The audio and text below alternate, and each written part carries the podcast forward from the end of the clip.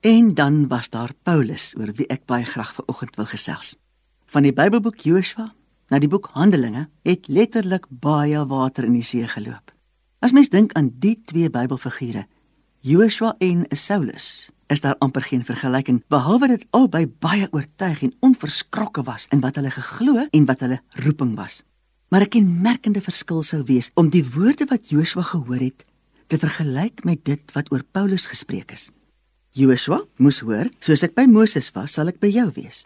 Ek sal jou nie in die steek laat en jou nie vergeet nie. In verband met Paulus het die Here God met Ananias gepraat en vir hom die volgende gesê: Gaan daarheen, want ek het hom gekies as my werktuig om my naam uit te dra onder heidene nasies en hulle konings en ook onder Israel. En hoor dan die volgende woorde: Ek self sal vir hom wys hoeveel hy vir my naam moet ly. Dit staan in Handelinge 9 vers 15 tot 16. Kyk die verskriklike verskil.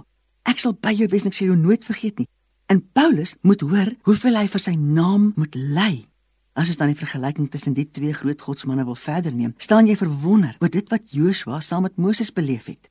Die Vader se liefdesbrief in die vorm van 10 woorde wat op kliptafels geskryf is, die bou van die verbondsark met die troon van genade, die inrig van die tabernakel en wat 'n vooruitskouing was daarvan dat God by ons wil kom woning maak.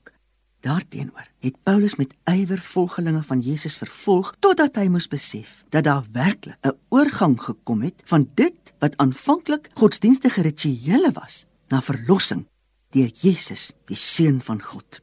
Want elkeen wat in Jesus glo, kom vry van enige oordeel. Verder was dit Paulus wat eers die volheid van wie Christus vir ons is, sou ontvang. Waar Joshua die fisiese Israel moes inneem, moes Paulus letterlik die hele bekende wêreld van sy tyd met die evangelie van verlossing in Christus Jesus bereik. Paulus verwys na homself as bedienaar van die woord tot vervulling van die woord. Hy was ook die eerste wat verkondig het dat ons Christus deelagtig word wanneer ons in hom glo as ons verlosser.